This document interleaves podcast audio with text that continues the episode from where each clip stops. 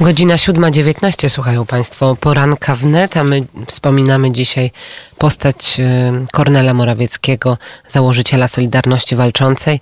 Przy naszym telefonie jest pan Tadeusz Markiewicz, działacz Autonomicznego Wydziału Wschodniego Solidarności Walczącej, który mm, organizował oddział warszawski Solidarności Walczącej. Dzień dobry panu. Dzień dobry. Jak pan przyjął informację o śmierci Kornela Morawieckiego i jakie myśli towarzyszyły panu, myśląc o tym, co razem panowie działali? No, ja jestem tutaj w takim sanatorium i byłem odcięty od informacji, ale zadzwonił do mnie z grobowym głosem mój przyjaciel Adam Borowski, informując właśnie o tym, o tym fakcie. No przyjąłem to z ogromnym smutkiem, to skończyła się pewna epoka yy, w moim życiu, bo byliśmy bardzo związani. No i tyle. No, tak jest, że jedni odchodzą, drudzy jeszcze są, ale kiedyś tam ten koniec nastąpi. A, ja, a jak pan y, wspomina, y, a jak pan wspomina, y, a jak pan wspomina okres współtworzenia Solidarności Walczącej tutaj w Warszawie? Znaczy to było stosunkowo późno, bo ten oddział powstał dopiero na początku 1987 roku. Takim pierwszym zaprzysiężonym członkiem Solidarności Walczącej w Warszawie był Adam Borowski, który, który zaproponował mi właśnie i kilku jeszcze kolegom, było nas czterech, utworzenie oddziału Solidarności Walczącej. Ja byłem bez przydziału, bo, bo wyszedłem tam kil, kilka miesięcy wcześniej z więzienia i chętnie się na to zgodziłem. No, odpowiadało to memu, że tak powiem, profilowi podziemnemu, bo się zajmowałem przez wiele lat y, drukowaniem i tutaj też miałem mieć taką rolę. Y, stworzyliśmy no, taki holding wydawniczy Solidarności Walczącej w Warszawie, bo w Warszawie było kilka grup Solidarności Walczącej. Formalny oddział, ten nasz, ale były też i grupy oporu, które się zajmowały czymś innym, bardziej takim widowiskową częścią tej działalności. Jeszcze inni, inni ludzie. Natomiast no, ja się zajmowałem drukiem wydawaliśmy gazetę Horyzont, było wydawnictwo Prawy Margines, no i oczywiście różne okolicznościowe druki, których było bardzo dużo. Jak dobrze wiemy, Kornel Morawiecki był przeciwnikiem mm, obrad Okrągłego Stołu. W krytyczny sposób wypowiadał się na temat e, takiej drogi wyjścia z komunizmu.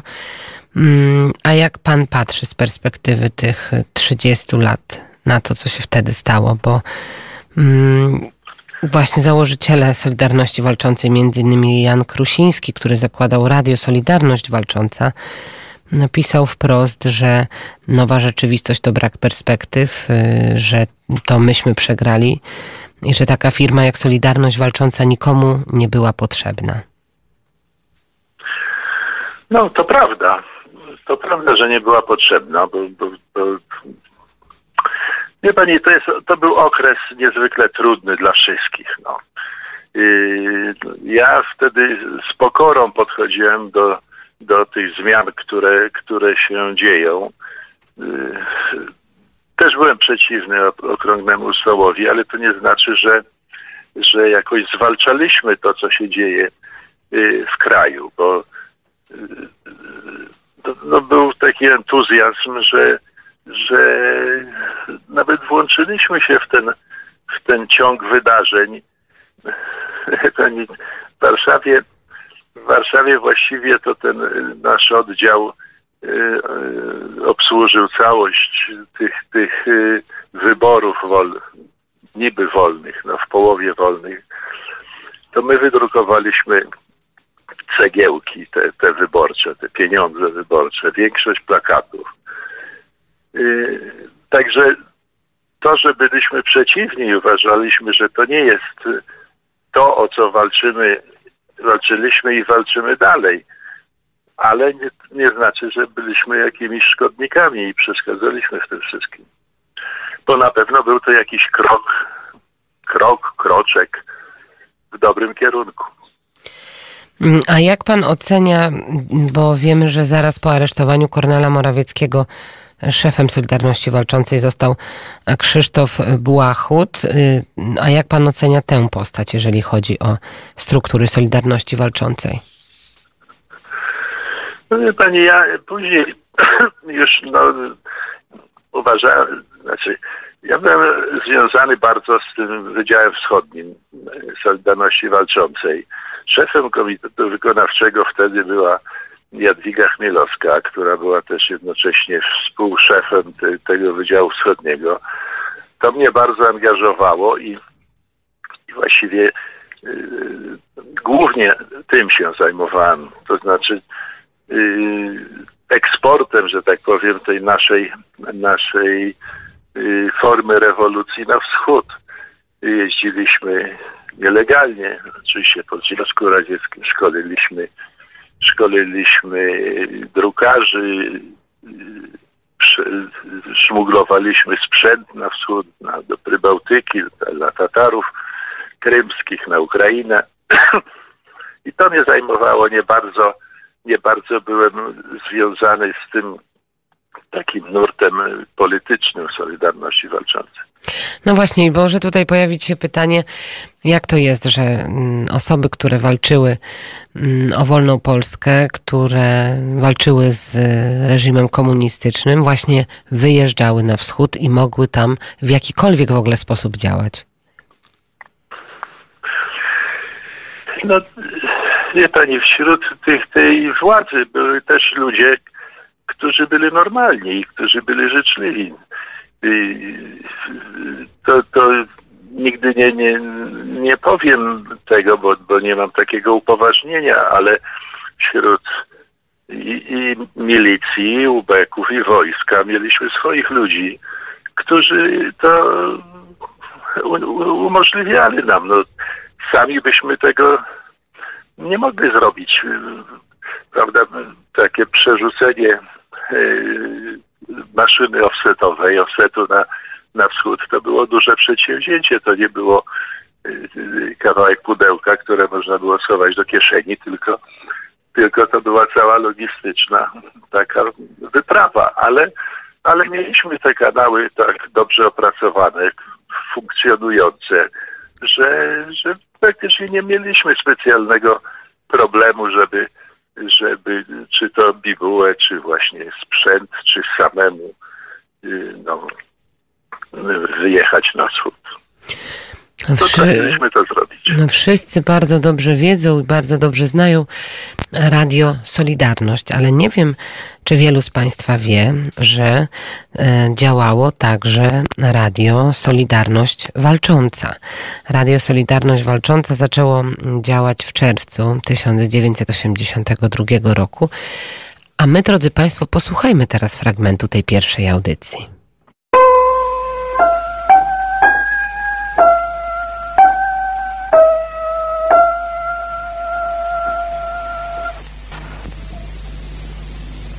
Tu Radio Solidarność Walcząca.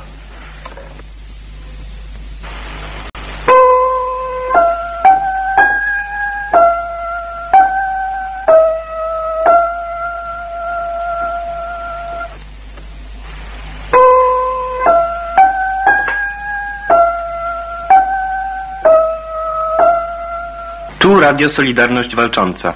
Dobry wieczór Państwu. Rozpoczynamy pierwszą na Dolnym Śląsku audycję Radia Solidarność. Naszych radiosłuchaczy prosimy o nagrywanie programu. Przekazywanie nagrań dalej. Audycję naszą odbierają w tej chwili mieszkańcy Wrocławia. Nie wszędzie odbiór jest dobry, za co radiosłuchaczy przepraszamy. W kolejnych audycjach będziemy starali się o poprawę słyszalności. Mamy dziś 27 czerwca, 197 dzień niewypowiedzianej wojny przeciwko społeczeństwu i naród walczy. Dlaczego walka? Aby zwyciężyć. aby obronić najsłabszych i tych, którzy cierpią nędzę, głód i więzienie, aby przywrócić zdeptane prawa obywateli i narodu, aby nie dać się zniewolić, aby być wiernymi tradycji ojców i dziadów za waszą i naszą wolność, aby pokazać światu, że złu i przemocy można i trzeba się przeciwstawić, aby nie zatracić się w biernym oporze, lecz wspomagać go czynem, aby doprowadzić do sprawiedliwej społecznej ugody, aby dać świadectwo naszej godności. aby żyć. Tak, 27 czerwca 1982 roku można było wysłuchać e, radia Solidarność Walcząca. Niewypowiedziana wojna, która trwała od 13 grudnia 1981 roku, bo tak państwo mówili o stanie wojennym. To pytanie do pana Tadeusza Markiewicza.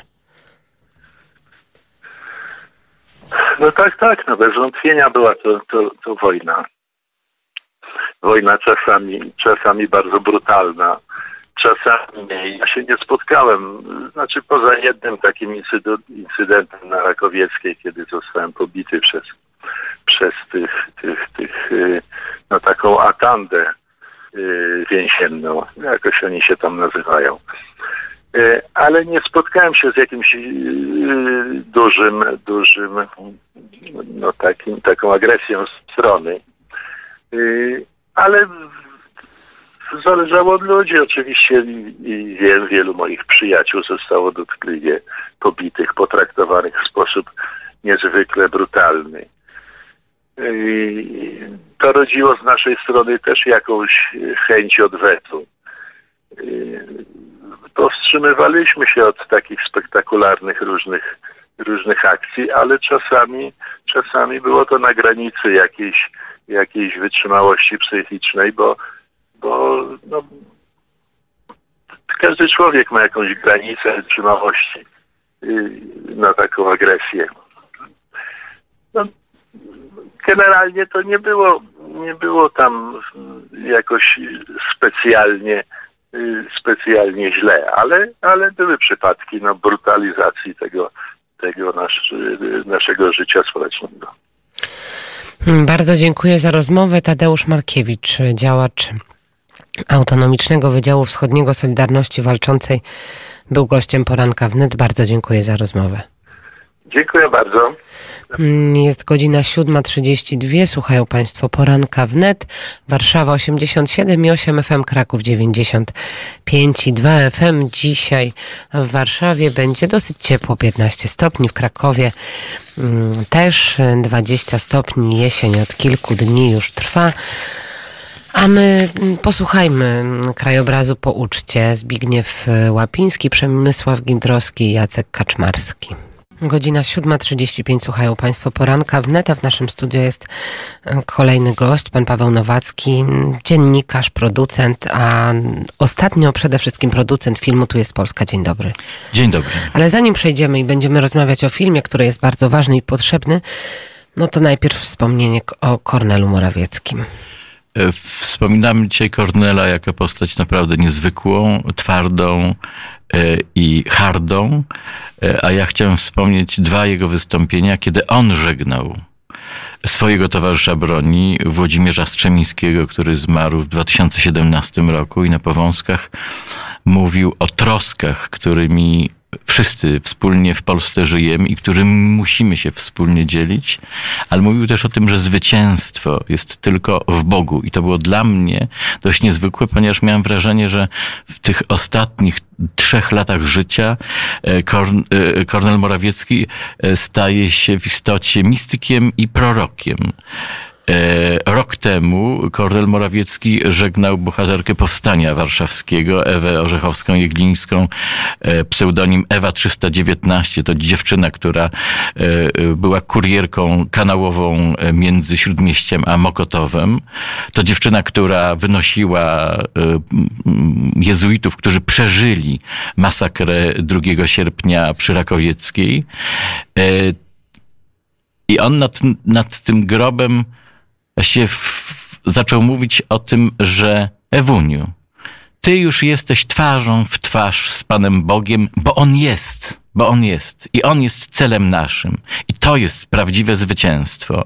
Myślę sobie, że dzisiaj, kiedy e, Kornel, e, e, kiedy wspominamy Kornela, no on jest już w tej rzeczywistości i w tej rzeczywistości, która jest faktycznym zwycięstwem. Musimy mówić o Kornelu jako o człowieku, który właśnie dziś zwyciężył.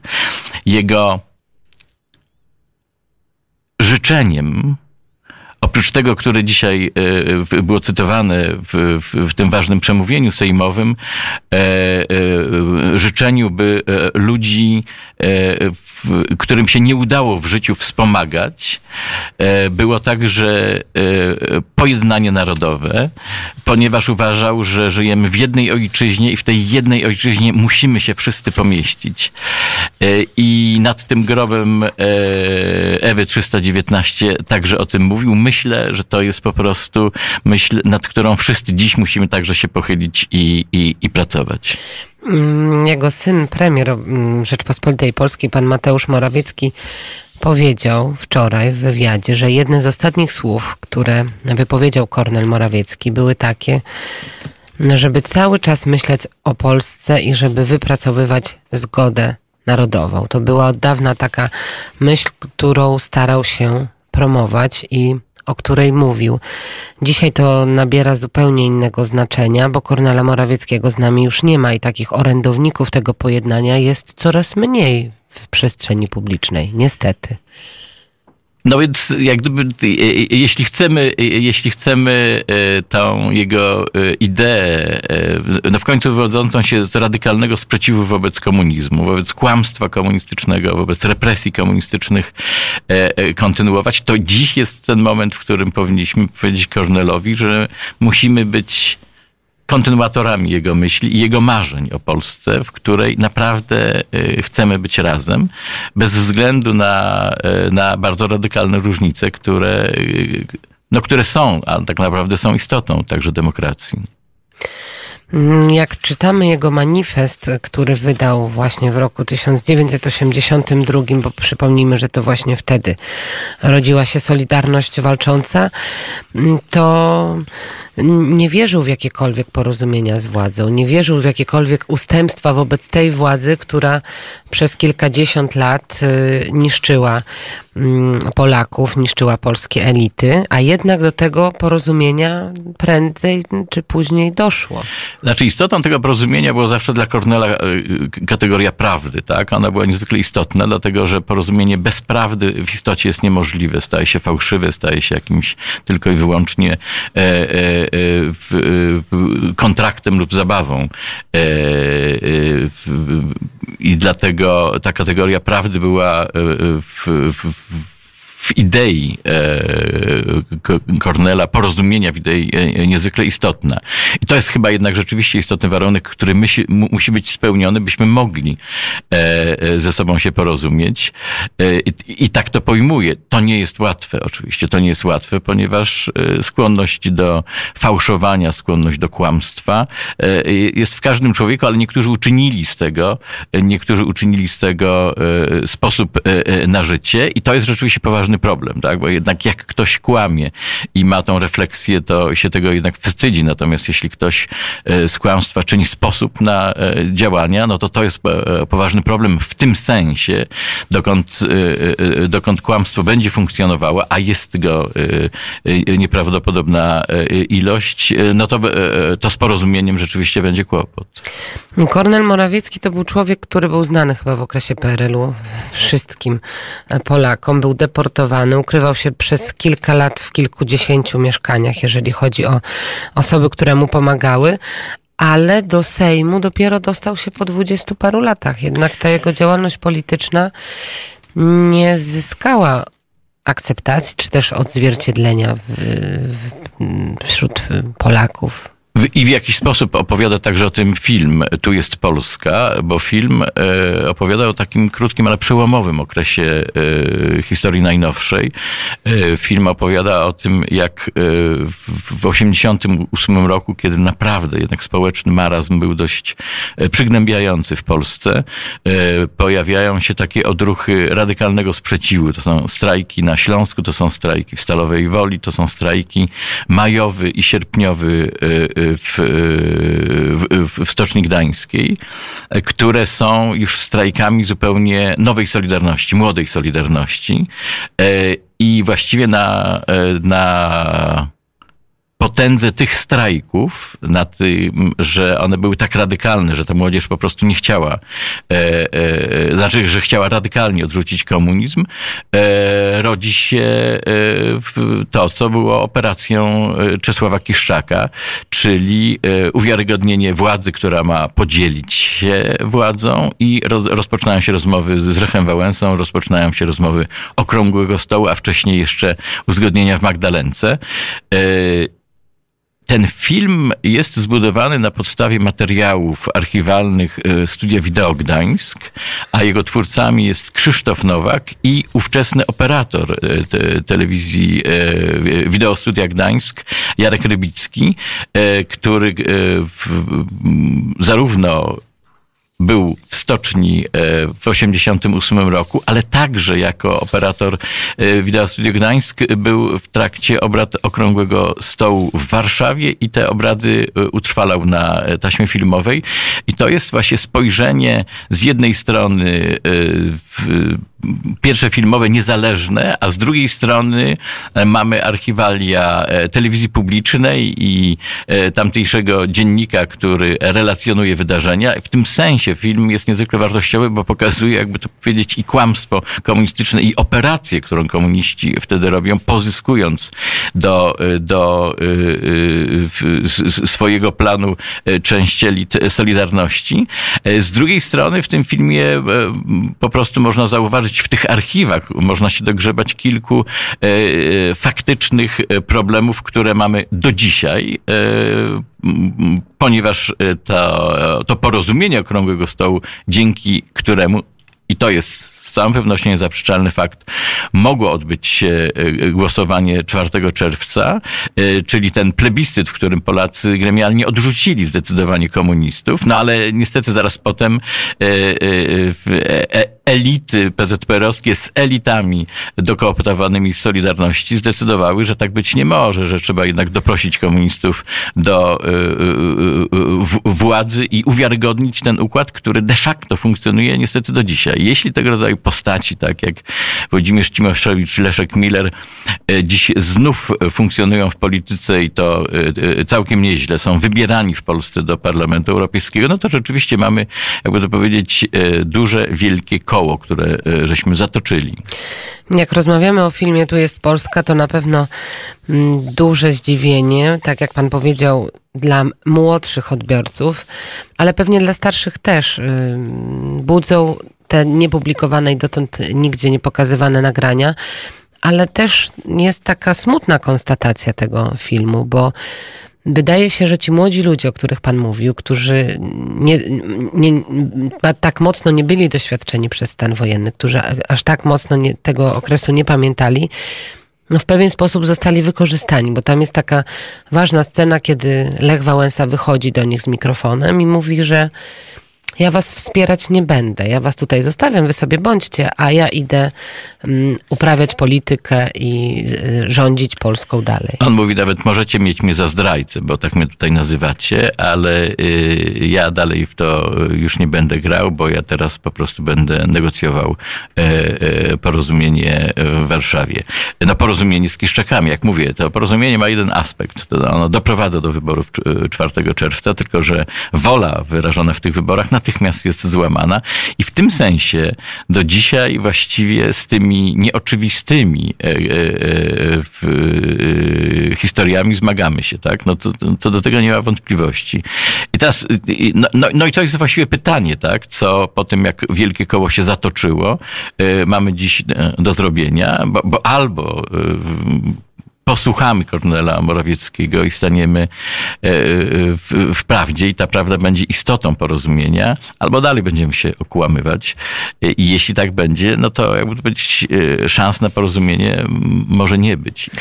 Mm, bardzo ważny moment też w filmie Tu jest Polska, to są słowa wypowiedziane przez chyba jeszcze wtedy nie był profesorem, ale mogę się mylić, przez pana Adama Strzembosza. Adama Strzembosza, który na pytanie związane z tym, żeby reformować wymiar sprawiedliwości, że to jest jedna z najbardziej istotnych dziedzin naszego życia, odpowiada w taki lakoniczny i dosyć nonszalancki sposób, że to się tutaj nie będzie działo, że w ogóle nie mamy o czym Co rozmawiać. więcej, mówi tam, że tylko panowie, panowie, i to mówił właściwie twarzą w twarz do e, e, sędziego e, Cola, mówi, panowie, to byłby najgorszy pomysł, gdybyśmy teraz zaczęli od weryfikacji sędziów. To jest wykluczone. O tym, jakie będzie, y, y, y, jak będziemy zmieniać sądownictwo, nie tu będzie się decydowało, nie tu i nie teraz. No i to jest jak gdyby wypowiedź niezwykle symboliczna, bo e, e, profesor Adam Strzembosz do dzisiaj jest konsekwentny w tym postanowieniu, a konsekwencje tego, e, tego że nie, nie- zdobyliśmy się, żeby zdekomunizować właśnie elity sądownicze, powoduje, że mamy do dziś ten nieszczęsny e, segment, w którym e, bezprawie miesza się z jakimś prawem. Jak wiemy, pan profesor Adam Strzembosz aktywnie wypowiada się i komentuje bieżącą politykę. Niedawno domagał się dymisji pana ministra sprawiedliwości Zbigniewa Ziobro i tak jak mówię, bardzo aktywnie włącza się y, w przestrzeń publiczną. A pan jak mm, analizował te materiały, jeżeli chodzi o film Tu jest Polska i w nawiązaniu do tego, jak mocnym krytykiem Okrągłego Stołu był Kornel Morawiecki, to jak pan patrzy z perspektywy tych 30 lat? Było inne wyjście wtedy? Y, To znaczy było, y, wydaje się, że... Bo dla nas 30-latków to się wydaje oczywiste, że jak mogli się dogadać, jak mogli z nimi usiąść? Po prostu jak? Myślę, że tak, że y, to, to, co się stało y, w roku 89 miało swoje y, w istocie dwie przestrzenie korzeni. Z jednej strony e, od e, przełomu roku e, 80, od powstania Wielkiego Ruchu Solidarności, który przecież powstał po 79 roku, czyli po wezwaniu e, papieża Jana Pawła II, by Duch Święty stąpił tutaj, na tą ziemię, e, toczyła się rzeczywiście e, realna walka o dobra ze złem, widoczna w wielu miejscach i jakby powiedzieć, można powiedzieć codziennie. E, Rok 81 i grudzień jest tą nocą zła, ale e, e, próba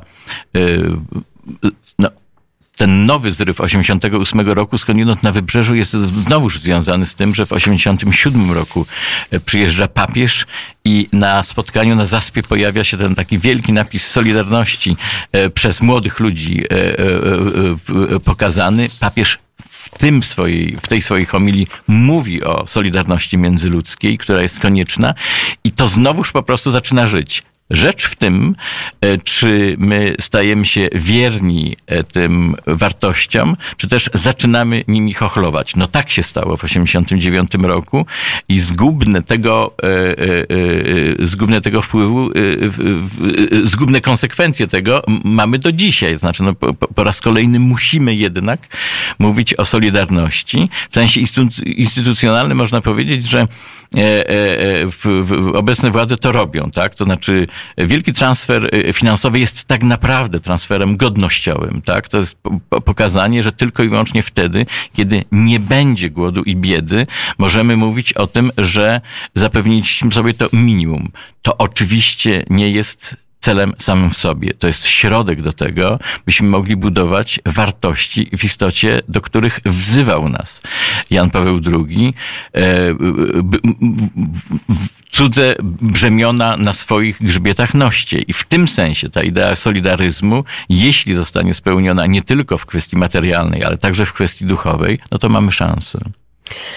W tym sensie to jest ten nurt, o którym mówił Kornel Morawiecki i dzisiaj to jest jego zwycięstwo. I w ten sposób właściwie o Kornelu trzeba mówić, choć 89 rok, kiedy on absolutnie uważał, że, że, że to jest e, e, nieszczęście e, i, i, i, to znaczy ten deal z, z komunistami i był temu przeciwny i w związku z tym znalazł się na marginesie de facto polityki. No nie on jeden, tak? Znaczy ja doskonale pamiętam, jak wtedy także KPN był aresztowany i wszyscy ci, którzy po prostu mówili, że z komunistami komunistami nie chcą, ale równocześnie to się rozwijało w ten sposób, że ci ludzie, którzy protestowali, no Andrzej Gwiazda, który także jeździł po kraju i mówił z komunistami, nie ma co wchodzić w deal, bo oni zapewniają sobie większość w tym parlamencie.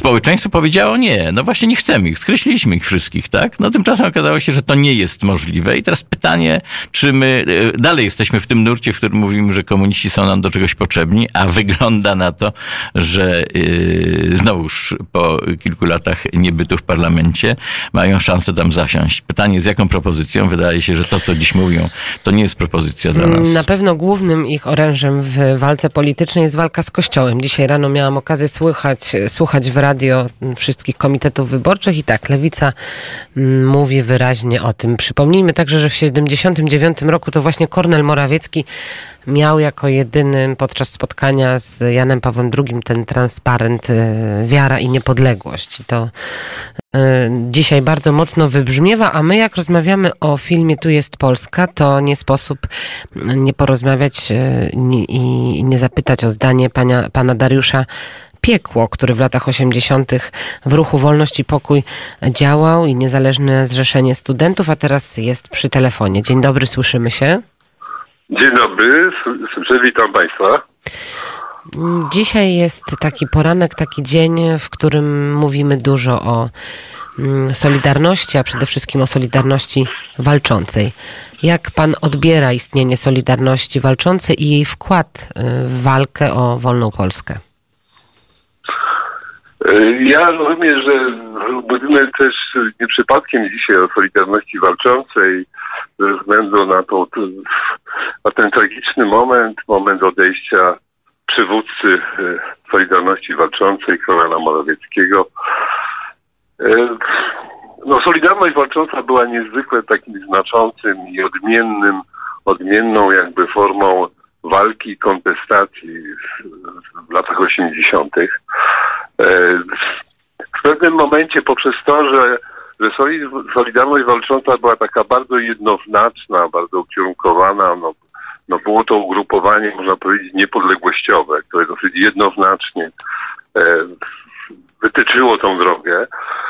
E, skupiało szereg, szereg, szereg osób, które, które, które poszukiwały takiego właśnie spełnienia, poszukiwały poszukiwały takiej drogi, widziały w niej sens. Też był taki duży przypływ młodzieży w drugiej połowie lat 80. E, więc no, była to szczególna, e, szczególna, można powiedzieć, szczególny zbiór osób, szczególna, można powiedzieć, ekipa, która, która, która jakby poszukiwała tej takiej długofalowej drogi kontestacji i, i walki o, o niepodległość.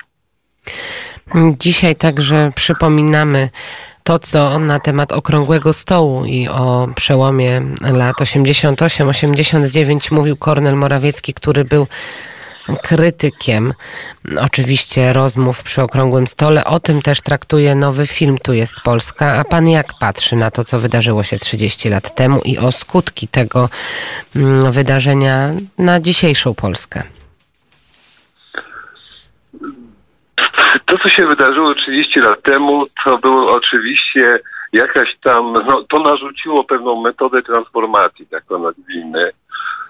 E, metodę transformacji, która w dużej mierze polegała na tym, że e, próbowaliśmy, czy próbowano stworzyć e, demokratyczne, niepodległe państwo w oparciu o struktury odziedziczone po państwie totalitarnym i w oparciu o pewnego rodzaju porozumienie, e, pewnego rodzaju porozumienie, które zagospodarowywało też, czy dawało dużą przestrzeń dla osób związanych z tamtym systemem.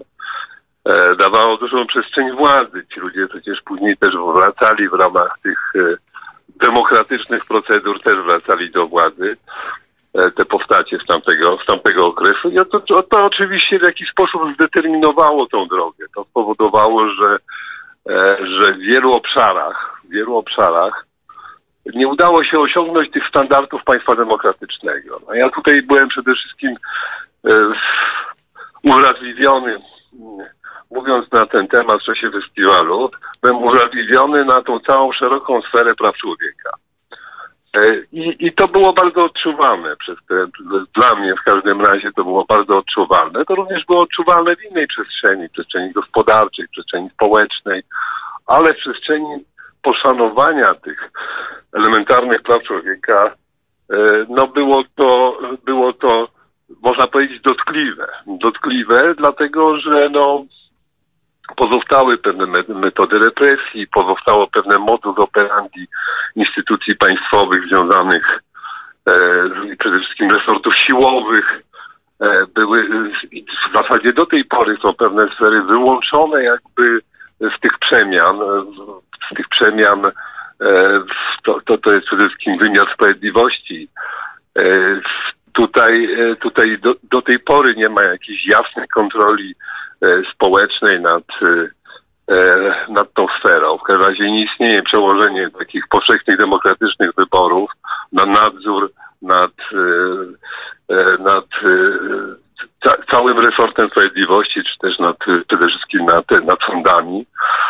Mm, to oczywiście obfitowało też później takimi sprawami, które były kalkami, kalkami, takimi sprawami osób, które były wstawiane w stan oskarżenia, E, to początek lat 2000, kiedy SLD, prawda, powróciło do władzy i ludzie z poprzedniej epoki, no to pojawiło się cały szereg e, spraw osób, które, e, które, które nie kwalifikowały się jako, jako osoby związane z perelowskim reżimem, które prowadziły jakieś swoje działalności gospodarcze. I ma pan, ma, pan, ma pan zapewne na myśli sprawę pana Mirosława, Mirosława.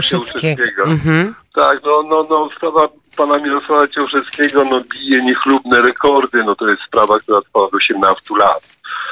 E, w tamtych czasach, kiedy ta sprawa się rozpoczęła, no to ja to wtedy nazywałem, że to jest rodzaj takiego polowania na czarownicę. Ofiarą, ofiarą tego polowania padł również pan Mirosław Cieuszewski oraz inne osoby oskarżone w tej sprawie. E, no między innymi oskarżonym w tej sprawie był założyciel i pierwszy, pierwszy prezes Ośrodka Studiów Wschodnich, Marek Karp. W tej sprawie też oskarżonym jest e, profesor Rębisz, e, profesor ekonomii, doradca Banku Światowego. Marek Karp już nie żyje, natomiast pozostali oskarżeni nadal nadal jakby ta sprawa ich, ta sprawa nad nimi wisi, ta sprawa ma dotkliwe konsekwencje w ich życiu. E, I są to sprawy, można powiedzieć, kuriozalne, absurdalne zarzuty o działanie na szkodę własnej spółki, gdzie, gdzie prokuratura wtedy, e, wtedy opierała się na, na ekspertyzie fałszywych biegłych, którzy później się okazali, że to były osoby karalne, czy to była osoba karalna, która, która, która została pozbawiona takich uprawnień. Mimo to w późniejszych toku tych spraw podtrzymywano ekspertyzy tych osób. E, I ta sprawa toczy się do dzisiaj, można powiedzieć, toczy się do dzisiaj. Tam pierwszej instancji e, po ponownym powrocie do, do, do pierwszej instancji pan Mirosław został skazany i, mm, i w tej chwili jest na etapie odwoławczym ta sprawa.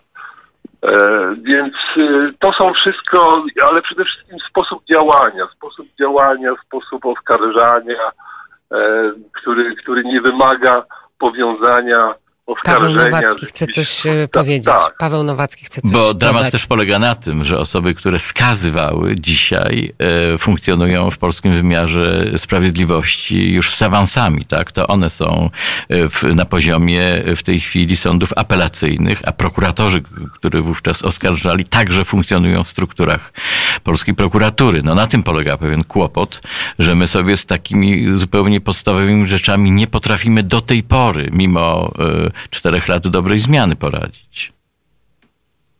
Tak jest, tak. No właśnie, tak Nie, jest.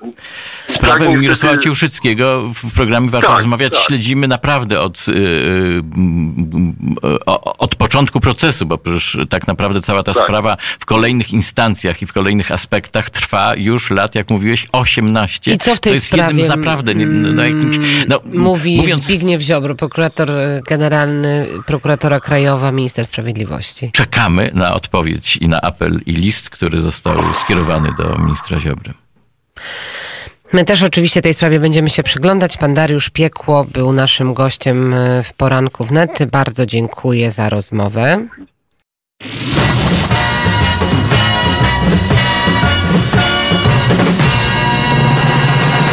Czas na przegląd prasy. E, dzień dobry Państwu. E, zaczynamy przegląd prasy przy mikrofonie Jan Olencki e, i wspomnienie z dnia wczorajszego. Wczoraj odszedł od nas Kornel Morawiecki. Urodził się w 1941 roku i zasłynął przede wszystkim jako założyciel i przewodniczący Solidarności Walczącej, organizacji, której głównym hasłem było odzyskanie niepodległości. Był też ojcem premiera Mateusza Morawieckiego. W 1968 roku po raz pierwszy wystąpił jako e, przeciwko władzom PRL, uczestnicząc w wydarzeniach marcowych. W końcu lat 70. związał się z opozycją demokratyczną we Wrocławiu, był redaktorem drugoobiegowego Biuletynu Dolnośląskiego. Po 1980 roku był działaczem Solidarności we Wrocławiu, a po wybuchu stanu wojennego ukrywał się. W 1982 po rozłamie w podziemnej Solidarności stanął na czele Solidarności Walczącej, która była najbardziej radykalną i bardzo mocno zakonspirowaną organizacją w latach 80., wydającą w podziemiu około 100 tytułów gazet i czasopism, realizującą audycje radiowe i organizującą demonstracje. W latach 80. E, był jednym z najbardziej poszukiwanych przez SB działaczem podziemia.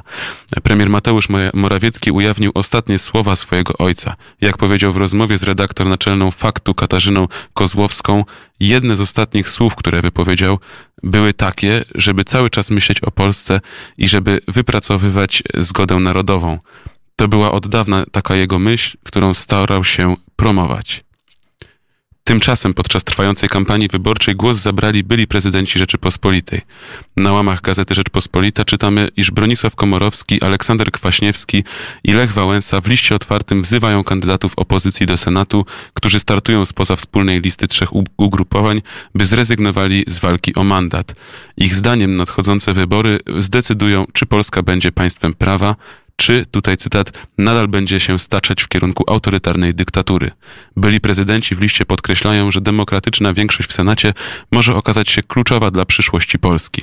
Komentując list byłych prezydentów e, dotyczący wyborów do Senatu, Władysław Kosiniak-Kamysz, prezes Polskiego Stronnictwa Ludowego, powiedział: Zgadzam się z tym, że Polska jest dzisiaj państwem autorytarnym, rządzonym przez autorytarną władzę. E, w innym artykule na łamach e, dzisiejszej Rzeczypospolitej możemy też przeczytać apel Moniki Jaruzelskiej, będący odpowiedzią na wspomniany e, przed chwilką list byłych prezydentów RP. Jaruzelska pyta w nim, tutaj cytat, Dlaczego, gdy, jak piszecie, Polska stacza się w kierunku autorytarnej dyktatury, sami nie wystartowaliście w wyborach parlamentarnych? Pozostawiamy to pytanie otwartym i zachęcamy do śledzenia tej sprawy w gazecie Rzeczpospolita. Mm, z kolei dziennik.pl donosi o spornych długach Caritas Polska i zadaje pytanie, e, czy instytucja zalegała ze składkami. E, oddawałem następcy Caritas Polska e, w bardzo dobrej kondycji, zapewnia były dyrektor tej instytucji, ksiądz Marian Subocz. Dziś mierzy się z zarzutami o zadłużenie Caritasu i pozostawienie go e, w kiepskim stanie. W połowie 2017 roku Caritas Polska zaczął w Caritas Polska urzędowanie zaczął ksiądz Marian Iżycki w wyniku zmian organizacyjnych oraz atmosfery w pracy. Odeszło prawie 20 osób. Mm, ze sprawozdań finansowych e, na stronie Caritas Polska nie sposób wyczytać, czy faktycznie instytucja zalegała ze składkami do Caritas, Caritas Internationalis i Caritas Europa. A teraz e, pozostawiamy tematy e, z nasze rodzime, polskie i przenosimy się poza nasze granice. Mm, dowiadujemy się, iż Facebook usunął kilkaset ukraińskich kont, stron i grup, które zajmowały się dezinformacją. Mieszkańcy Ukrainy biorą też udział w kampaniach wprowadzających do obiegu fake newsy w USA. Rynek tak zwanych e, farm botów wyceniany jest na miliony dolarów. To możemy wszystko przeczytać w dzisiejszej gazecie wyborczej. E, Facebook podkreśla, że administratorzy zlikwidowanych grup przekierowali użytkowników e, na popularne ukraińskie strony internetowe, między innymi znaj.ua i, poli, i Politeka. Wygląda Wyglądają one jak poważne informacyjne serwisy, ale ich aktywność rośnie przed wyborami i ważnymi wydarzeniami politycznymi. Nierzadko publikują fake newsy, które później cytowane są w mediach społecznościowych. Wiele z nich nie ma stopki redakcyjnej, nie wiadomo też, kim są autorzy materiałów, bądź czy nie ukrywają się pod pseudonimami. Strony Znaj UA i Politeka odrzuciły oskarżenia Facebooka, ale przyznały jednocześnie, że współpracowały z agencją Pragmatico, która pomagała nam, pomagała im budować popularność w sieciach społecznościowych. I ostatnia wiadomość, e, krótka wiadomość jeszcze z Gazety Wyborczej. E, coraz więcej pornografii e, dziecięcej w sieci. W zeszłym roku w USA namierzono 18 milionów pedofilskich materiałów. Coraz młodsze dzieci, coraz brutalniejsi sprawcy, obojętne firmy technologiczne i bezsilne organy ścigania. Internet zalewają obrazy wykorzystywania seksualnego najmłodszych, a sprawcy pozostają bezkarni. Ten temat będzie na pewno powracał. Chcemy, wa- ważne jest, żeby się z nim jak najszybciej uporać. E, I tą informacją kończymy dzisiejszy przegląd prasy. Jest godzina 8.14, słuchają Państwo poranka wnet, a przy naszym telefonie jest pani Maria Dłużewska, reżyser, scenarzystka, także działaczka opozycji antykomunistycznej w okresie PRL-u. Dzień dobry. Dzień dobry. To może zacznijmy od e, tego, co wydarzyło się podczas festiwalu Niepokorni, Niezłomni, Wyklęci, bo tam drzwi do wolności otrzymał jeszcze wtedy Kornel Morawiecki, który tę wolność, tak jak pani powiedziała podczas gali zamknięcia, e, on tych drzwi do wolności nie otwierał, tylko on te drzwi do wolności wyważył. Y, Tak, y, ja, ja jestem ogromnie szczęśliwa, że mm, bo następnego dnia e, przed południem dostałam wiadomość o, o śmierci Kor- Kornela i to była pierwsza myśl, że, że nam się udało, że nam się udało o nim powiedzieć wszystkim, że wszyscy wiedzieli, kto zmarł, ko, kogo nam zabrakło, y, jak niezwykle ważnego człowieka e, w, w Polsce nam zabrakło.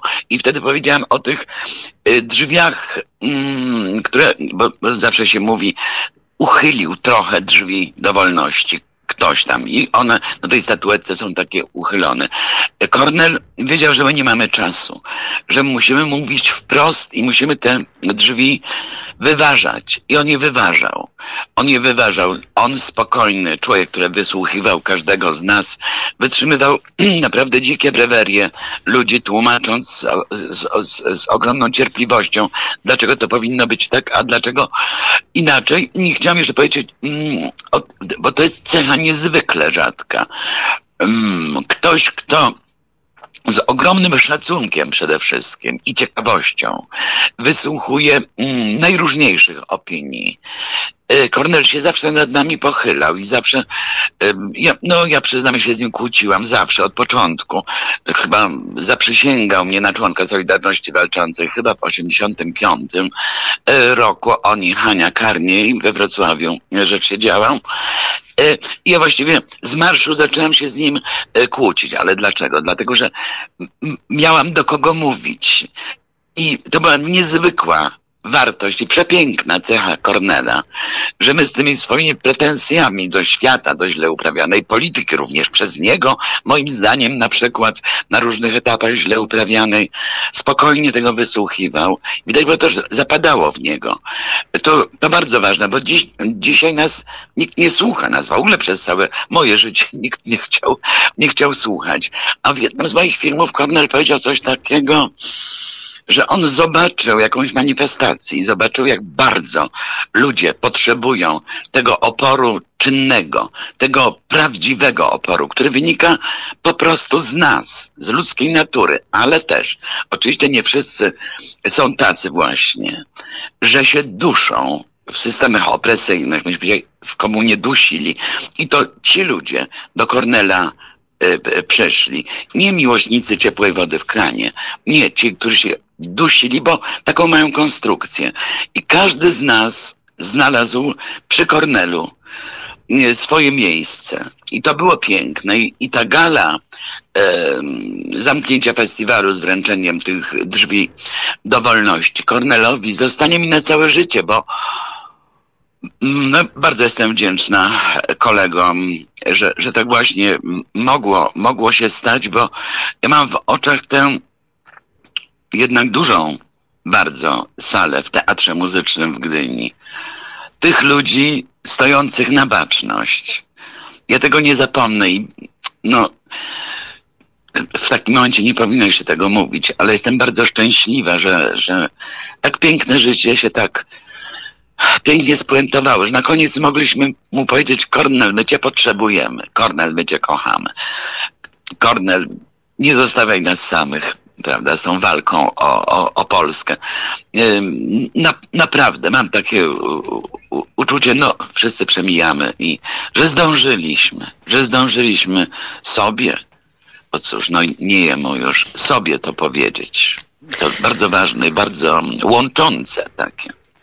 Solidarność walcząca była na pewno bardzo potrzebna, ale też y, to, co z Solidarnością walczącą jakby stało się po 1989 roku, bo dzisiaj mówimy też o tym, że właśnie Kornel Morawiecki był jednym z y, działaczy, który tak mocno krytykował Okrągły Stół, a który mówił o tym nawet czasami, że no, że w pewien sposób y, Polacy przegrali przez to, co się stało Mm, i że tak y, niestety to się wszystko e, że to się wszystko tak potoczyło, ale pani nakręciła film.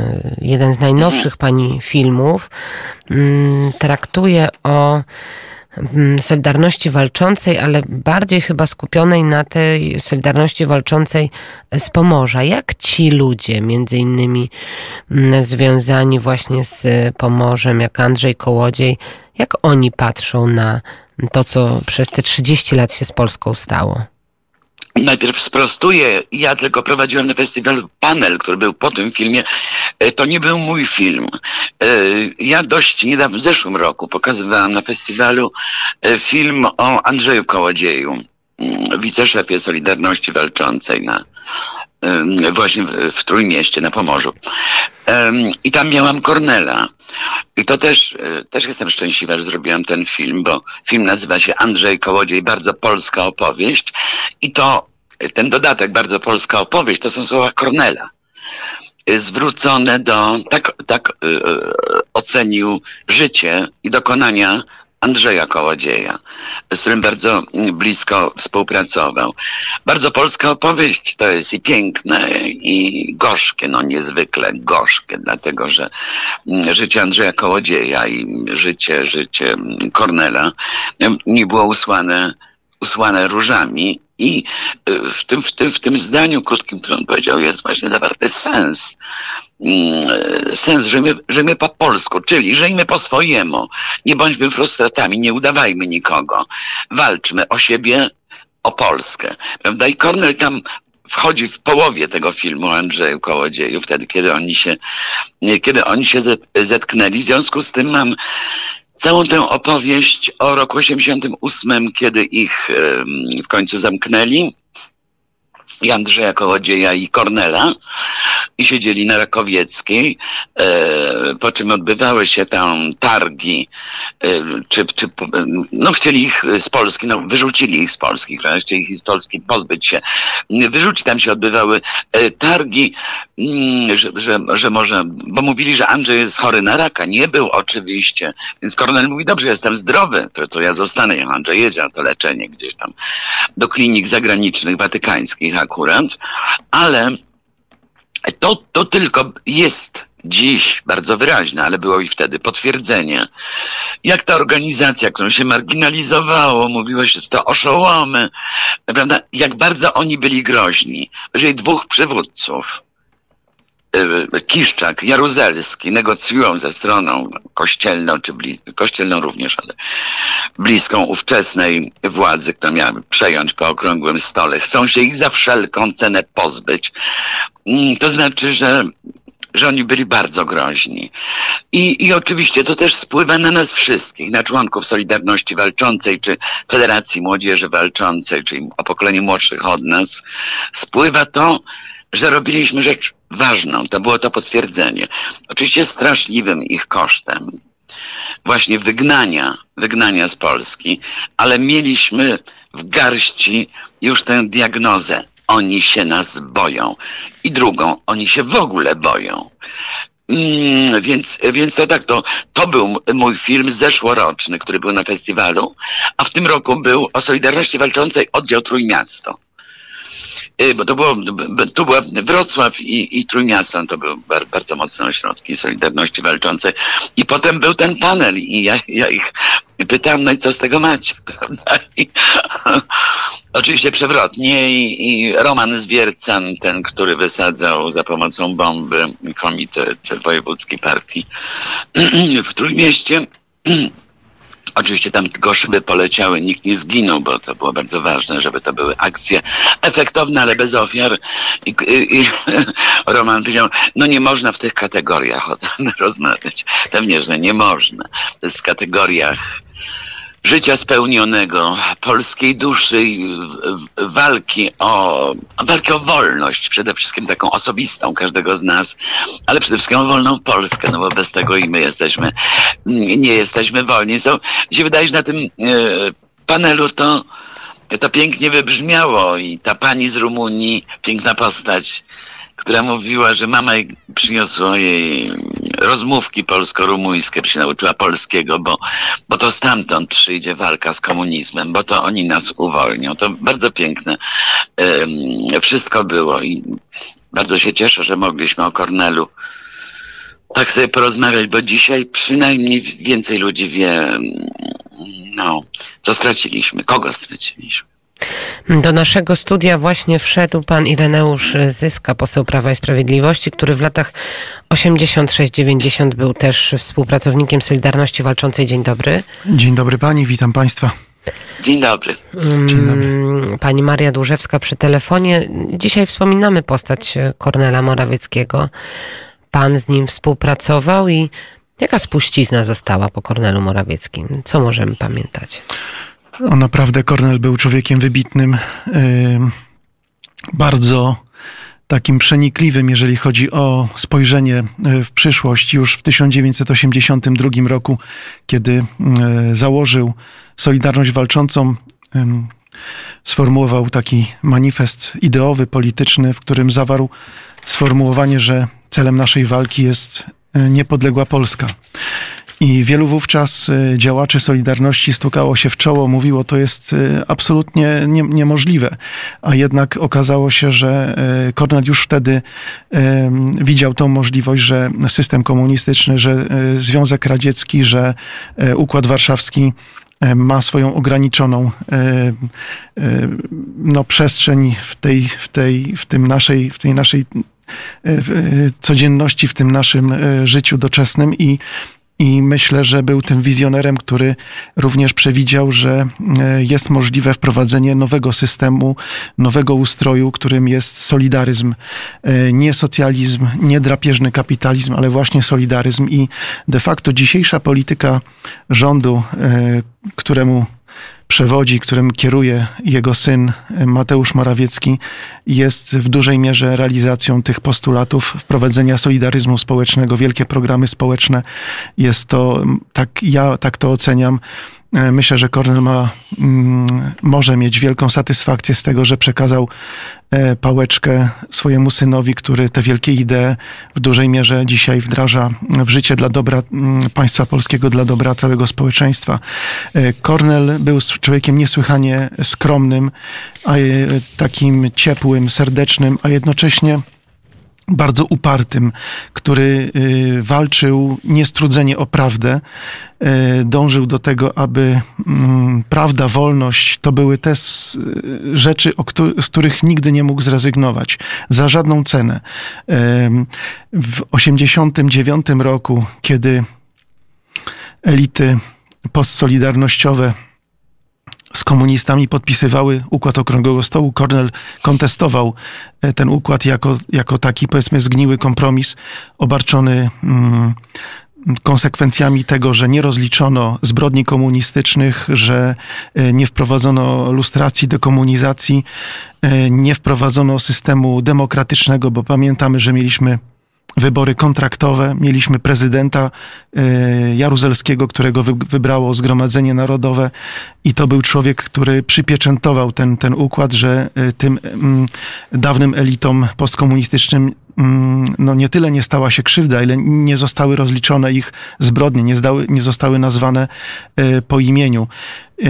I, I wtedy y, ci, którzy z elit postsolidarnościowych zasiadali do tego kontraktu, do tego układu, mówili, że Kornel dlatego kontestuje, czy ludzie Solidarności Walczącej, bo się po prostu nie załapali.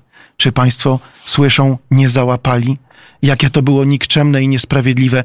Wówczas tamci liderzy e, elit solidarnościowych myśleli w kategoriach osobistych korzyści. Bo czymże jest załapanie się na coś, udziału we władzy, apanarzach, może jakiejś y, też sukcesji majątkowej w, w, majątku, który był za chwilę rozgrabiany na gigantyczną skalę majątku narodowego.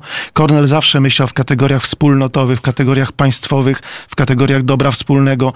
Y, jego najjaśniejsza Rzeczpospolita Solidarna, bo tak zawsze mówił, była tą ideą, do której zmierzał, czyli Rzeczpospolita, która jest wrażliwa na wszystkich obywateli, która szanuje każdego obywatela ale jednocześnie jest niepodległa, jest silna, jest suwerenna.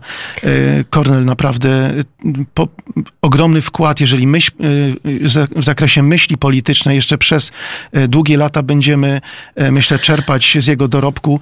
Jeszcze nie wszyscy sobie zdają sprawę, jaką wielką stratę ponieśliśmy jako państwo, jako społeczeństwo, tracąc Kornela. Panie pośle, pan mówi o tym, że te elity solidarnościowe czy postsolidarnościowe, które zasiadały przy okrągłym stole. Mm, sugeruje pan, że miały świadomość tego, co robią? Miały świadomość tego, że to będzie złe rozwiązanie dla Polski? Ja myślę, że w dużej mierze tak. Y, ci, którzy y, decydowali, te najważniejsze osoby, myślę, że miały, miały tego Ale świadomość. Ale przecież tam także y, siedział Jarosław Kaczyński, Lech Kaczyński.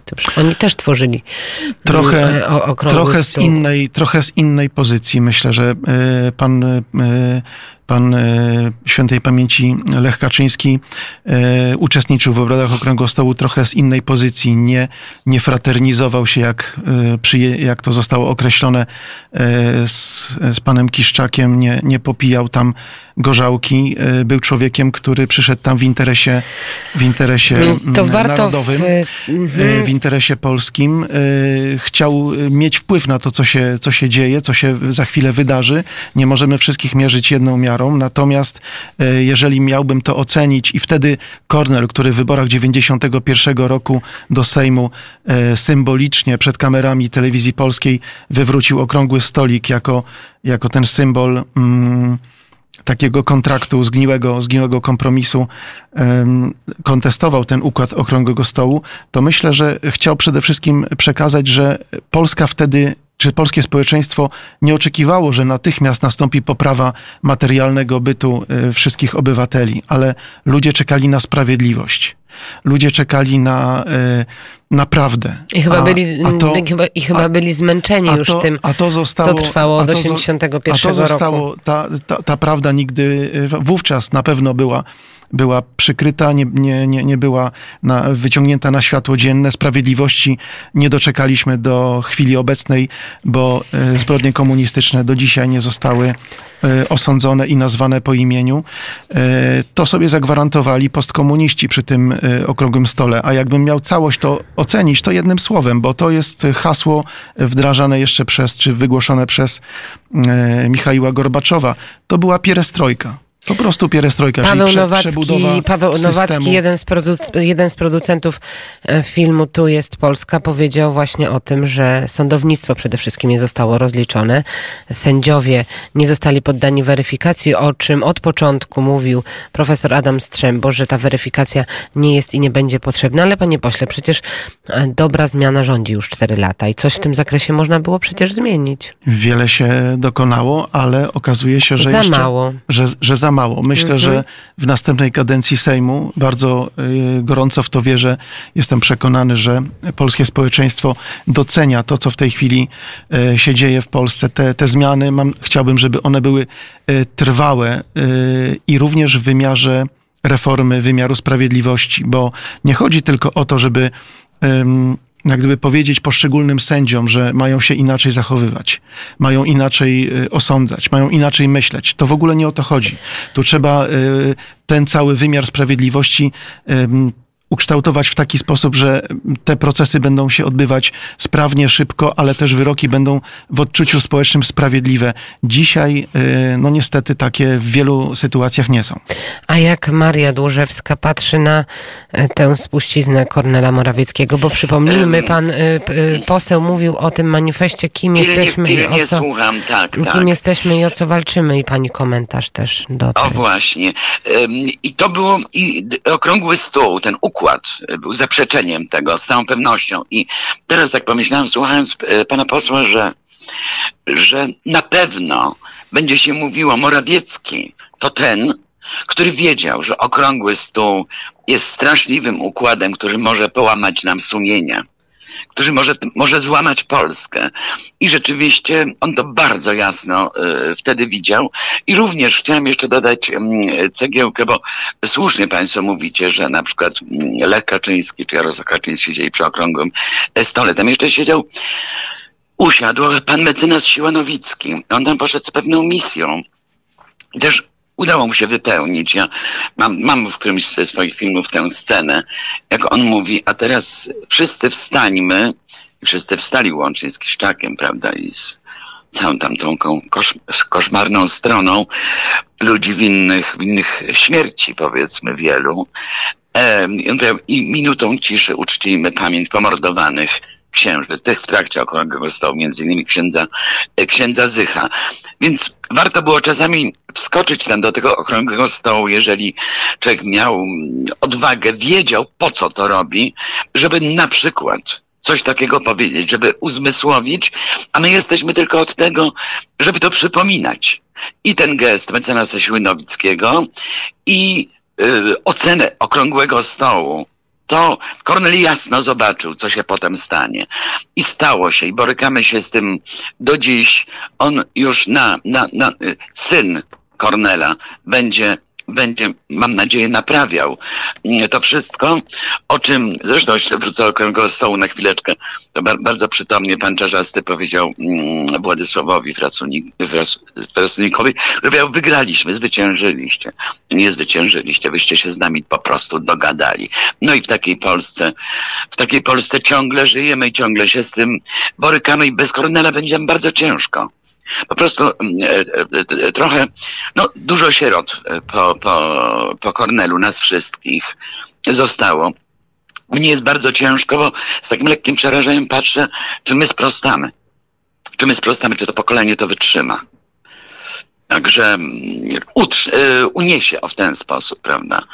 Bez, bez takich e, ludzi fundamentalnych dla naszej tożsamości, jak Kornel właśnie, martwię się, o to się, o to się martwię. O. Pan poseł? Ale muszę powiedzieć, e, znaczy ja jestem optymistą. E, myślę, że tutaj środowisko Solidarności Walczącej, bardzo szerokie środowisko, z którego również wywodzi się pan premier Mateusz Morawiecki, bierze dzisiaj odpowiedzialność za losy Polski, za przyszłość Polski, oddając wszystkie siły i angażując się w to, abyśmy rzeczywiście tą e, dobrze ukształtowali e, realia polskie dla przyszłych pokoleń, ale Tak, też czy będziemy mogli, e, umieli mu w tej walce Pomóc. wystarczająco Tak. pomóc? Ja, myśl, ja, myślę, ja myślę, że tak, że jest wielu ludzi ideowych, zaangażowanych, którzy ofiarnie chcą służyć e, Polsce. Kornel Morawiecki naprawdę to jest człowiek, to jest człowiek wybitny, wielka postać e, mm, i chcę powiedzieć, że on nie skupiał się, bo miałem bardzo bliski kontakt z Kornelem przez wszystkie te, te lata, szczególnie w ostatnim, w ostatnim okresie mm, czterech lat tej kadencji Sejmu. Nie skupiał się na rozpamiętywaniu tego, e, co poszło nie tak. Oczywiście miał swoją ocenę, miał swoje e, zdanie, ale cały czas myślał do przodu, o przyszłości.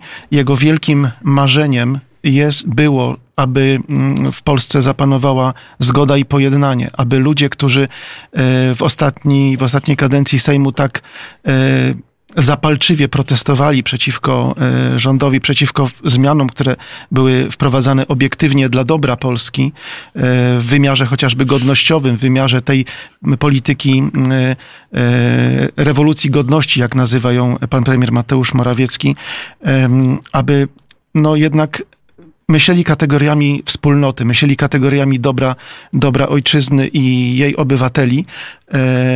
I mam nadzieję, że tak, że tak się stanie, że wielu, wielu y, ludzi z tamtej strony sporu politycznego jednak. Y, mm, może nie tyle przyłączy się, ale włączy się do dyskusji, do dyskusji takiej rzeczowej o przyszłości Polski, bo y, ten spór nikomu nie służy. My nie możemy jako y, politycy, jako poszczególne frakcje y, myśleć tylko w kategoriach partykularnych. Powinien nam cały czas przyświecać cel nadrzędny, jakim jest suwerenna, niepodległa, silna Polska, taka też Polska, która dba o swoich obywateli, nie tylko o elity, tak jak było to w czasach zaraz po podpisaniu Okrągłego Stołu w latach 90., y, gdzie niestety elity myślały o sobie bardzo e, egoistycznie, często uwłaszczając się na majątku narodowym, a społeczeństwo zapłaciło gigantyczną wręcz cenę za, za te grabieżcze prywatyzacje, za likwidację miejsc pracy, za brak osłony socjalnej. E, często mówiło się o wyrzeczeniach dla pracowników, którzy musieli zaciskać pasa, bo ratujemy e, naszą firmę, a za chwilę firma była za grosze sprzedawana, tak jak chociażby e, porcelana w Wałbrzychu, która porcelana Wałbrzych, która była sprzedana za cenę niższą niż stan magazynowy na, na magazynie wartość e, zapasów magazynowych. To prywatyzował pan e, Lewandowski, bardzo znany polityk Platformy Obywatelskiej. Który bardzo dobrze się ma od y, wielu, wielu lat, jest y, w Europarlamencie. Tak, no to mm, jeden z, takich, z takich przykładów, ale myślę, że to dziedzictwo i to marzenie Kornela y, będzie przez nas wszystkich niesione dalej. To wielkie przemówienie jego jako marszałka seniora, że musimy zanieść tą Polskę do następnych pokoleń. Tak, Jak, tak to, to jest nasze wielkie wspólne zadanie i myślę, że jest wiele osób, no, tak powiem, tak jak ja, które zawdzięczają bardzo wiele Kornelowi. On y, ukształtował mnie do tej służby publicznej, przekazał, przekazał mi tą, czy wpoił taką bezinteresowną służbę dla Polski i też, y, i też bezinteresowność, bezkompromisowość, jeżeli chodzi o sprawy najważniejsze, że z pewnych rzeczy za żadną cenę nie można zrezygnować, za żadną cenę nie można ustąpić. Z tych spraw najważniejszych, takich fundamentalnych, myślę, że jest wiele osób y, w Polsce, które dzisiaj chociażby na pamięć o Kornelu będą chciały wypełniać ten jego, to jego przesłanie, ten, ten testament, a największą osobą, w której ja też pokładam ogromne nadzieje, jest pan premier Mateusz Morawiecki, syn Kornela. Hmm, bardzo dziękujemy za te wspomnienia, za mm, te przemyślenia. Maria Dłużewska. Mm, też... Dziękuję bardzo, to bardzo ważne, że, że możemy no, w okropnym e, dla nas e, ludzi bliskich Kornelowi e, dniu to mówić, ale widzę też, że pan poseł, tak jak ja, my chcemy mówić, my chcemy mówić. Także dziękuję za, za możliwość opowiedzenia o Kornelu. Bardzo dziękuję Maria Dłużewska, a w naszym studiu zostanie jeszcze pan e, Ireneusz Zyska, poseł Prawa i Sprawiedliwości, a my teraz e, posłuchajmy Zbigniewa Wodeckiego, który też kilka miesięcy temu mm, od nas odszedł. 8.47 słuchają Państwo poranka wnet, Warszawa 87,8 FM, Kraków 95,2 FM, a na całym świecie można nas słuchać pod adresem wnet.fm. W naszym studio e, Ireneusz Zyska, poseł Prawa i Sprawiedliwości jest obecny, a także pan Wojciech Zabłocki, który do naszego studia właśnie wszedł, radny w Sejmiku Województwa Mazowieckiego. Dzień dobry, panie radny. Dzień dobry. To może zacznijmy od tego, co dzieje się z oczyszczalnią ścieków Czajka, bo to temat, który od kilku tygodni nie schodzi e, z pierwszych stron gazet czy pierwszych stron portali. Co dzisiaj wiemy na temat oczyszczalni? Jaki jest stan faktyczny? Oczyszczalni i przypomnę też spalarni bo to jest druga afera, która w, w tej inwestycji się pojawiła. Pierwsza to jest oczyszczalnia, która nie działa i gdyby nie pomoc rządu i pomoc Wojska Polskiego, to byśmy dalej mieli miliony litrów ścieków zrzucane każdego tygodnia do Wisły. Ale druga afera to jest spalarnia, która również kosztowała nas setki milionów złotych, a która, która się okazuje od grudnia nie działa. I tutaj też prezydent y, Rafał Trzaskowski zapomniał o tym opinię publiczną poinformować i się dowiedzieliśmy, że przez te wszystkie miesiące te odpady niespalone były wywożone na północne Mazowsze, na wschodnie Mazowsze, gdzieś na, do Kuja, Kujawsko-Pomorskiego, więc y, cała okolica jeszcze była półatruta i nie wiem jaka jest skala odpadów w różnych rejonach składowanych. Kto to może zbadać? No oczywiście prokuratura. Tutaj już nie ma miejsca na to, żebyśmy robili jakieś postępowania urzędnicze, żebyśmy sprawę y, powolutku, spokojnie wyjaśniali, jak czego, czego, czego chciałby Rafał Trzaskowski. Sprawa jest zbyt poważna i tutaj naprawdę musi wkroczyć prokuratura, bo to są publiczne pieniądze, inwestycje, które były finansowane przez podatników z w jakiś sposób przeniewierzone i uważam, że tu muszą być stanowcze działania prokuratury. Ale kto to... tym zarządzał, jak to nadzorował, mm -hmm. kto odbierał w ogóle tą inwestycję? To wiemy, że Główny Inspektorat y, Ochrony Środowiska złożył zawiadomienie, ale to zawiadomienie dotyczyło nieodpowiedniego y, w czasie zawiadomienia od, y, odpowiednich organów. A pan mówi tutaj o spalarni, czyli co jeszcze jedno zawiadomienie będą, będzie pan składał, czy radni? Ja uważam, że sprawa jest naprawdę gruba, już mówiąc takim językiem medialnym. I nie wiem, czy to, czy to nie będzie potrzebna jakaś komisja specjalna, żeby tą sprawę zbadać. Jeżeli mamy do czynienia z inwestycją za 4 miliardy złotych, która jest y, flagowym projektem nie tylko w Warszawie, ale i w ogóle w regionie, finansowanym ze środków Unii Europejskiej, gdzie trwałość projektu nie jest zachowana i grozi nam zwrot wielu set milionów złotych jeszcze do budżetu Unii. Więc sprawa jest za, zbyt wielka, zbyt poważna, żebyśmy to badali normalnymi metodami. Po aferze reprywatyzacyjnej to jest jeszcze chyba większa afera, jaka wybuchła w stolicy. No i niestety widać, że ekipa Platformy Obywatelskiej, która rządzi stolicą od 12, już właśnie 13 rok, no w ten sposób taki ma standard zarządzania. Od afery do afery. Mm, pan jest radnym Sejmiku Województwa Mazowieckiego. E, I powiedzmy, panie radny, jak Sejmik Wojewódzki reaguje na, na pana informacje, na to, co się dzieje z całą oczyszczalnią? I to jest sprawa oburzająca. Sejmik w ogóle nie reaguje. Ja jestem wiceprzewodniczącym Komisji Ochrony Środowiska kiedy poprosiłem na tej komisji o dyskusję i informacje na temat tego, jaki jest stan chociażby środowiska na północnym Mazowszu po tej katastrofie e, ekologicznej związanej z Wisłą, jeszcze wtedy nie wiedzieliśmy, że jeszcze jest druga afera związana ze spalarnią e, odpadów. Kiedy poprosiłem o dyskusję, informacje, to się dowiedziałem, że to nie są kompetencje Sejmiku. Kiedy poprosiłem o podobną dyskusję, informację już na samym Sejmiku, również marszałek Struzik uznał, że to nie są jego kompetencje. Czy, czyje są to kompetencje w takim no, razie? Stwierdził, że to są kompetencje rządu, że przedsiębiorstwa wody polskie. Tylko ja wszystkich, e, wszystkich mieszkańców, e, którzy tymi sprawami się interesują, zapraszam, żeby prześledzili, jak w przeszłości wyglądały sejmiki. Znaczy marszałek Struzik we wszystkich e, sprawach politycznych zabiera głos pierwszy. Apeluje do rządu w sprawie lekarzy, nauczycieli, apeluje w sprawach obyczajowych, jakiejś mniejszości. Tutaj nie ma problemu, żeby w tych sprawach zabierać głos i żeby Sejmik był takim narzędziem dla Platformy i PSL-u, które rządzą Mazowszem e, politycznym. Natomiast kiedy jest sprawa naprawdę dotycząca mieszkańców i dotycząca naprawdę Mazowsza, realnego zagrożenia, to chowa głowę w piasek i nagle tutaj nie widzi swojej roli w, w tej sytuacji jako samorządowiec, jako marszałek Mazowsza. Jest to sytuacja skandaliczna i oburzająca. Mm, panie radny, jak dzisiaj wygląda sytuacja właśnie, jeżeli chodzi o czajkę? E, ona nie działa. Tak, no nie działa. No odpady są wywożone, tak jak się dowiedzieliśmy, po różnych e, składowiskach, e, legalnie, nielegalnie. Trzeba to zbadać gdzieś na poligony, A na kto to wywozi? Działki firmy, które są podwykonawcami, czy tam pod y, usługo, usługobiorcami od y, przedsiębiorstwa, którym zarządza, zarządza no, też, też politycy zadania Platformy. Czyli nie wiemy za dużo na temat tego, no co, wiemy, co, się dzieje z Nie, nie wiemy, co się dzieje, bo jak od grudnia to prezydent miasta ukrywał przed opinią publiczną, że jest taka, taka awaria i że to się dzieje, no to się okazuje, że my jeszcze bardzo wiele nie wiemy. Dlatego, tak jak powiedziałem na początku, tu musi wkroczyć prokuratura, tu musi być sprawa zbadana, bo to są sprawy wielowątkowe. Ja się zastanawiam, jaki jest w ogóle poziom funkcjonowania e, i, i jakości wody w naszych wodociągach, bo jak się okazuje, że oczyszczalnia ścieków nie działa, jak się okazuje, że spalarnia odpadów również nie funkcjonuje, no to znaczy, że bardzo wiele obszarów różnych może nie funkcjonować w mieście. No to trzeba naprawdę zrobić porządny audyt i chyba powinny odpowiednie służby zastanowić się i przyjrzeć, co się dzieje w ratuszu warszawskim. Mm, Właśnie, jeżeli mowa o ratuszu, to panowie, pani prezydent y, Warszawy, była prezydent Hanna Gronkiewicz-Waltz stwierdziła, że za awarię oczyszczalni ścieków Czajka, o której mówimy od wielu tygodni, odpowiada Prawo i Sprawiedliwość.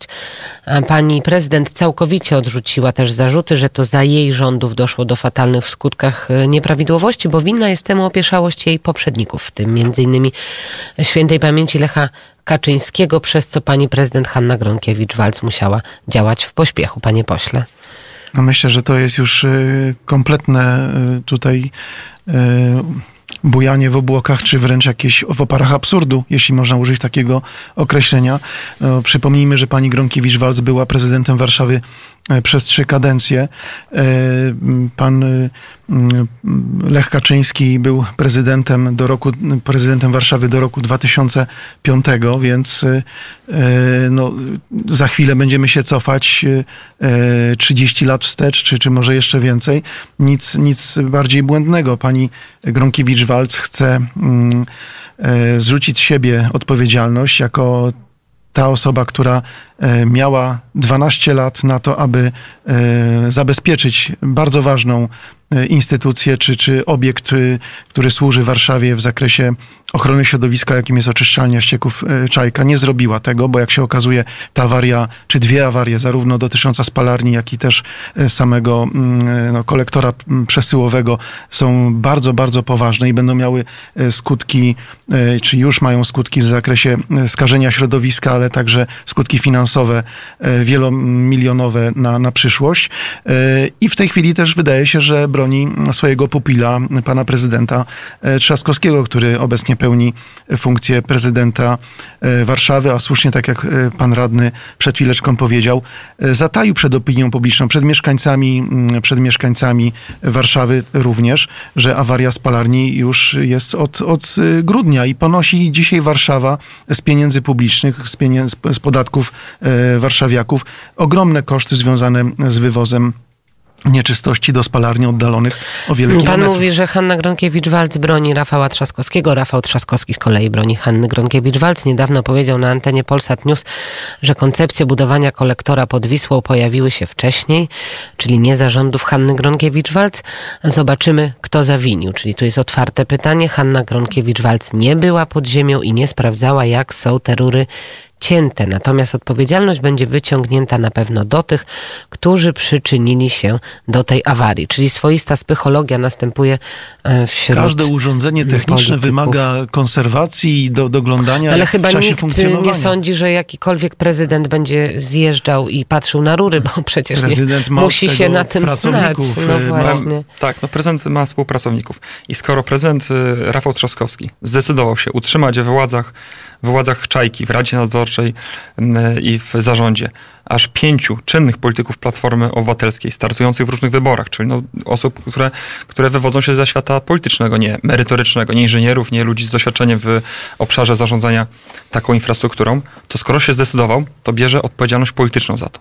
Jest prezydentem miasta i bierze odpowiedzialność polityczną za to, kogo mianuje na jakie stanowiska. A to są stanowiska intratne, za- zarabiają ci ludzie bardzo potężne pieniądze, mają więc y, za te pieniądze pracować i brać odpowiedzialność. Skoro tego nie robią, to bierze odpowiedzialność za nich ich szef, czyli prezydent miasta. I w tej chwili miganie się, to jest, y, y, nie będę komentował słów Hanny Gronkiewicz-Waltz, bo, bo, bo musielibyśmy tutaj już zacząć dochodzenie, czy, czy w jakich oko- okolicznościach to mówiła i czy była poczytalna, więc tutaj nie chcę w to wchodzić.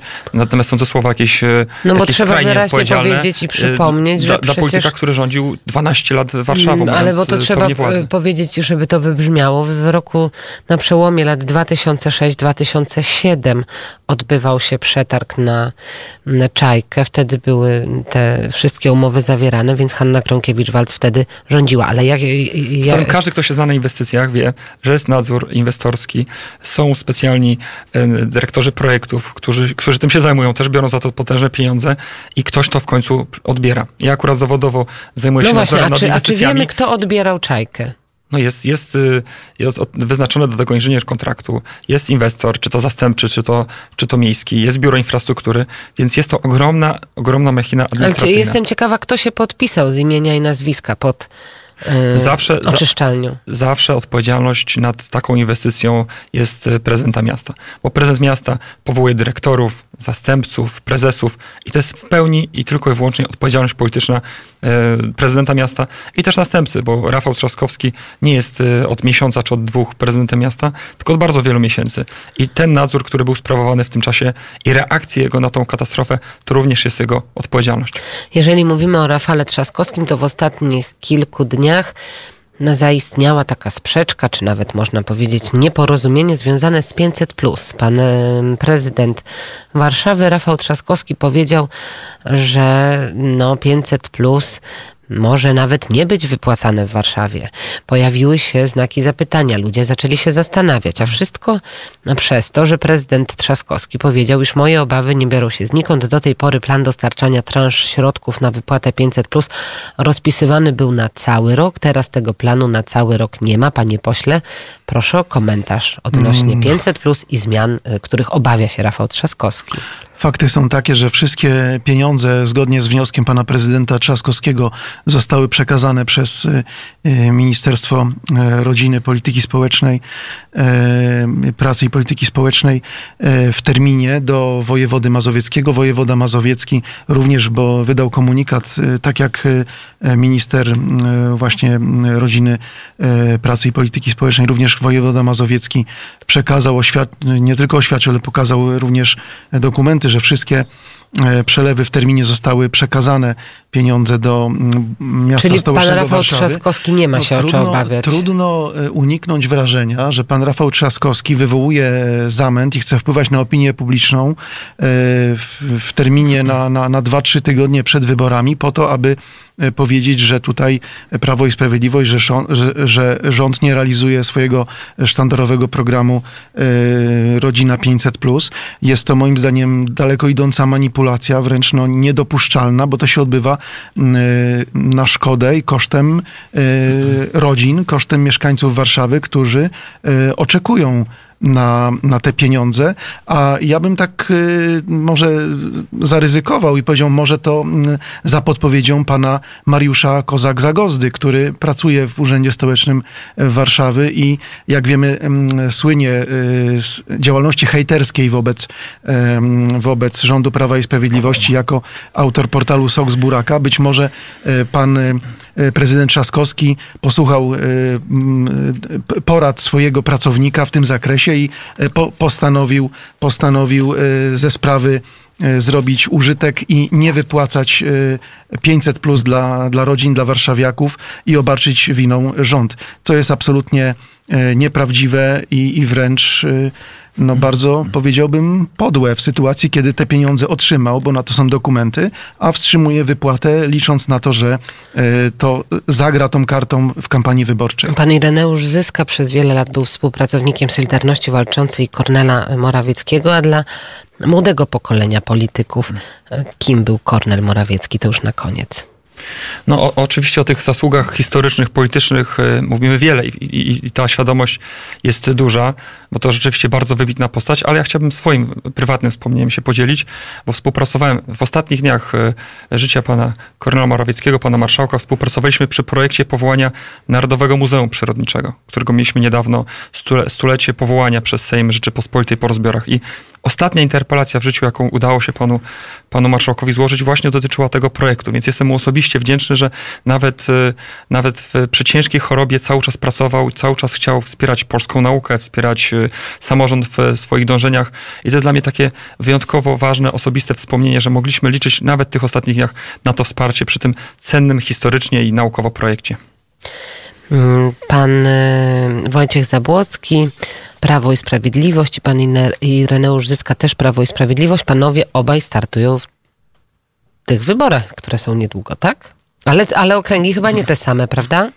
Nie, nie, rzeczywiście. Ja jestem warszawiakiem od urodzenia. Tutaj działałem jako samorządowiec, czy burmistrz Pragi, Pragi Północ, radny miasta, dzielnicy, czy teraz sejmiku, ale zawsze Warszawa i też tutaj, tutaj naturalnie, że, jest, że startuję. A pan Ireneusz Zyska? Od urodzenia Dolny Śląsk. Właśnie tam na Dolnym Śląsku poznałem w latach 80. E, Kornela Morawieckiego. E, ja osobiście kandyduję w moim rodzinnym okręgu numer dwa Wałbrzych, e, pozycja numer dwa pracujemy dla dobra Polski. Pokora i praca. Wierzę w to, że z pozytywnym rezultatem będziemy mogli służyć nadal Polsce i Polakom w następnej kadencji. Bardzo panom dziękuję, a ja już zapraszam w imieniu Krzysztofa, Krzysztofa Skowrońskiego na jutrzejszy poranek wnet, który e, będzie z Krakowa. Dzisiejsze popołudnie wnet od 16 do 18 poprowadzi Łukasz Jankowski. Ja zapraszam na jutro na godzinę 16. Będziemy rozmawiać ze, ze Stanisławem Srokowskim, który bardzo długo przyjaźnił się z Kornelem Morawieckim i na pewno dużo ciekawych i pięknych historii nam w jutrzejszym popołudniu opowie. Mm, Dariusz Konkol zrealizował dzisiejszy poranek wnet, Jan Olencki wydawał, mm, a Magdalena Uchaniuk-Gadowska poprowadziła, ale jeszcze zanim skończymy poranek wnet y, i się z Państwem pożegnamy, to jeszcze krótki przegląd prasy za kilka chwil. Jan Olencki. Bardzo Panom dziękuję. Dziękuję. Dziękuję bardzo. Radio, robimy radio. Radio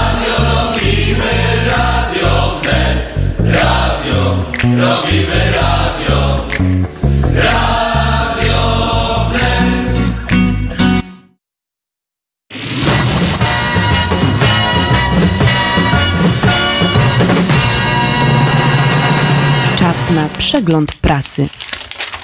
Dzień dobry Państwu, jest godzina 9.04. Zaczynamy drugi przegląd prasy dzisiejszego poranka, a w nim pierwszą informację podaje CNN, że w rozmowie Donalda Trumpa z Wołodymyrem, z Wołodymyrem Zełańskim uczestniczył również sekretarz stanu Mike Pompeo. E, Jest ona powodem wszczęcia śledztwa w sprawie impeachmentu amerykańskiego prezydenta. Gazeta Wyborcza przypomina, że 25 lipca prezydent Stanów Zjednoczonych rozmawiał z prezydentem Ukrainy. Trump poruszył wówczas temat ewentualnego dochodzenia w sprawie działań byłego wiceprezydenta u boku Bara- Baracka Obamy, Joe'ego Bidena i jego syna. E, Biden jest liderem sondaży w prawyborach demokratów, a więc prawdopodobnym rywalem Trumpa w wyborach. Demokraci alarmują, że prezydent dla własnej korzyści politycznej e, po prostu naciskał na Zełańskiego, mm, by wszcząć dochodzenie. Czyli w zasadzie nadużywał swoich uprawnień. Działania podjęte przez prezydenta poważnie naruszyły konstytucję. Donald Trump musi zostać pociągnięty do odpowiedzialności.